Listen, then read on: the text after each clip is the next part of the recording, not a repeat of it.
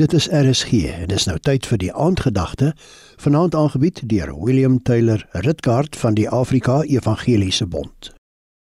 Matteus 21 vers 1 tot 2 sê: En toe hulle naby Jerusalem kom en Betfage aan die Olyfberg bereik het, stuur Jesus twee disippels uit en sê vir hulle: Gaan na daardie dorp reg voor julle en dadelik sal julle 'n eselin vind wat vasgemaak is en 'n vul by haar, maak haar los en bring hulle vir my. Ai, hoe lekker sou dit nou nie gewees het as die Heer daagliks so duidelik met ons praat of vir ons sou wys wat om volgende te doen nie. Die meeste van ons kan nie eers tot by die kinderpartytjie ry sonder dat daai tannie met die GPS met die gerusstellende stem vir ons sê waarheen om te ry nie. Maar dikwels is ons ook in die lewe se groot besluite van lyn af of die spoor byster of besig om te reroute of te recalculate. In Numeri 22 lees ons van Biliam en die keer het die hele padkaart en donkiebedryf heeltemal de mekaar geraak. Die GPS moes hom nie waarsku dat hy van die pad af is nie, maar die donkie, die moes begin praat en uitdraai en recalculate. Biliam het sy eie kop gevolg. Biliam het kort paaie gesoek.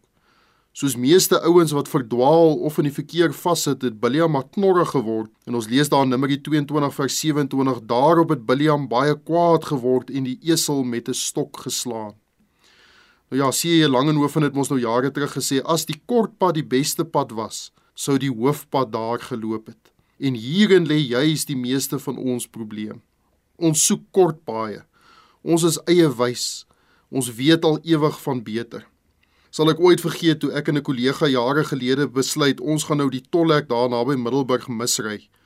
In iewers daar by Carolina rond het ons in die verkeerde rigting begin ry en toe ons Bethel tref, toe besef ons die son sak nou nie heeltemal waar ons gedink het nie.